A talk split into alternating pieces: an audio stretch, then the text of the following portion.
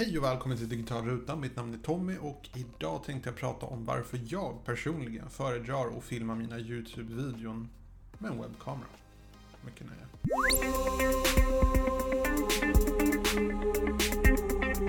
Um, så jag filmar med Logitech Brio, det är en webbkamera. Jag har gjort en recension på den där jag jämför den med en billigare variant som heter C920. Vilket jag också faktiskt kan rekommendera för jag filmar oftast i uh, full HD. Vilket jag gör med Logitech bio även om jag skulle kunna filma i 4K. Eh, jag vill förklara lite varför jag föredrar att filma med webbkamera. Eh, det här är bara min personliga preferens och någonting som jag föredrar att göra. Jag har faktiskt inte stött på någon annan på YouTube som har samma åsikt som jag.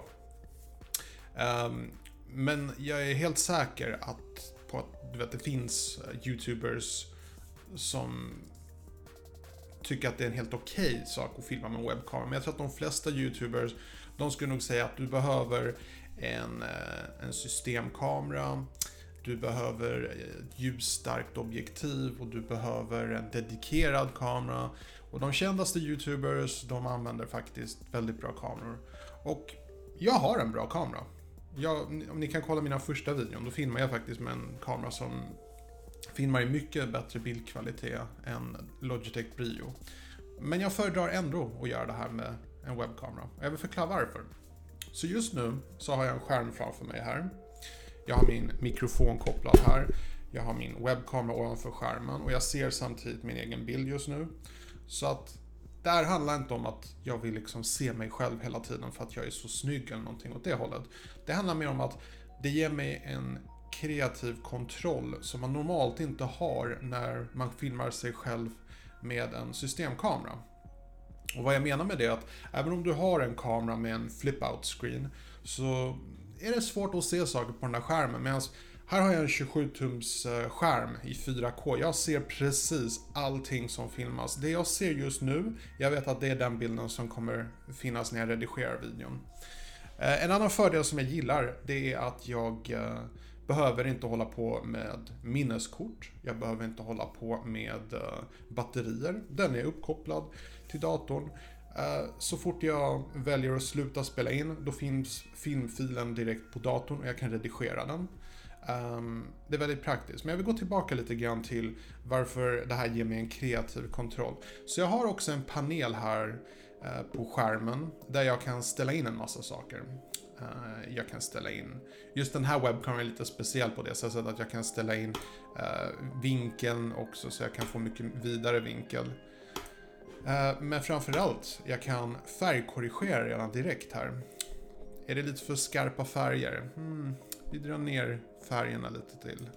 Nu börjar det se lite professionellt ut. Eh, vitbalansen är inställd på auto, men jag tycker det ser lite gulaktigt ut. Så jag skulle till exempel kunna dra ner den och kanske dra upp färgen lite grann. Nu är det lite mer åt rosa hållet. Vill jag att fokus ska vara på en speciell punkt, jag kan sätta det på auto.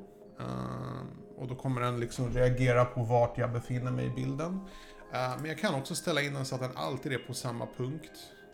Och vill jag att ingen ska se mig när jag pratar och jag kanske pratar om någonting hemligt och vill vara anonym. Jag kanske ska göra alla mina videor i det här perspektivet. Nej, det blir nog bättre med det här då. Ehm, så det här ger mig mycket frihet, mycket kreativ frihet och jag behöver inte slösa tid på att redigera bilden. Och när man redigerar en bild, visst, jag kan göra det riktigt stilrent, jag kan göra det lite så här äh, extra kontrast, ta bort mycket av färgerna och få, få lite, mm, lite gulaktigt så ja. Mm, mm. Jag kan få det att bli riktigt stilrent så, men äh, det är inte det man normalt sett äh, färggraderar för. Det är mer för att korrigera saker man inte såg när man filmade. Och det slipper jag. I och med att jag har den här kontrollen. Um, och det, det ger mig otroligt mycket tidsbesparing och jag har aldrig filmat mig själv med webbkamera och inte hamnat i fokus, vilket är ett vanligt problem när man filmar sig själv. Till och med Casey Neistat, Peter McKinnon, det är ofta jag ser när de filmar sig själva och så är inte fokusen skarp, då har de missat fokusen men de kan inte gå tillbaka och ändra det.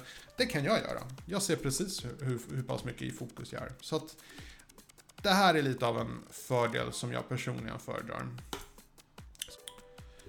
Um, som sagt, jag skulle bara vilja förklara att uh, en grej med att göra videon på YouTube, det är att man är oftast själv, om man inte har resursen att man har en person som filmar åt en.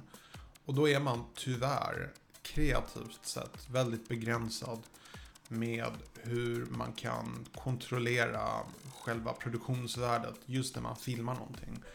Och det här ger mig fullständig kontroll samtidigt som jag kan vara, ja, the star of the show så att säga. Uh, och det ger mig väldigt stora fördelar. Uh, inte bara ur en tidsaspekt utan även känslan av att ha fullständig kontroll över saker och ting. Inte behöva oroa sig för Eh, kommer minneskortet räcka för allt det jag tänker prata om? Kommer batteriet räcka? Har jag tid att redigera det här? Jag löser många problem genom att göra mina videon med en webbkamera. Och det finns säkert de av er som säger ja, men Tommy, dina videon såg mycket bättre ut i början. Jag håller med. Det ser mycket bättre ut när man filmar en systemkamera. Inga tvekan om saken. Du har ett ljusstarkt objektiv. Ehm, och du har en skärpa som definitivt inte går att jämföra med det här lilla ehm, ja, objektivet. Så ja, det är inte ens det är en väldigt liten sensor där inne. Jag vet inte ens vad det är för sensor. Antagligen samma sort som det är en mobilkamera. Men jag uppoffrar gärna den här bildkvaliteten för att få lite bättre kvalitet på innehållet. Förstår ni hur jag menar? Så det var riktigt, det var i princip det jag hade för den här gången. Jag passar på att önska er en trevlig fortsatt dag. På återseende.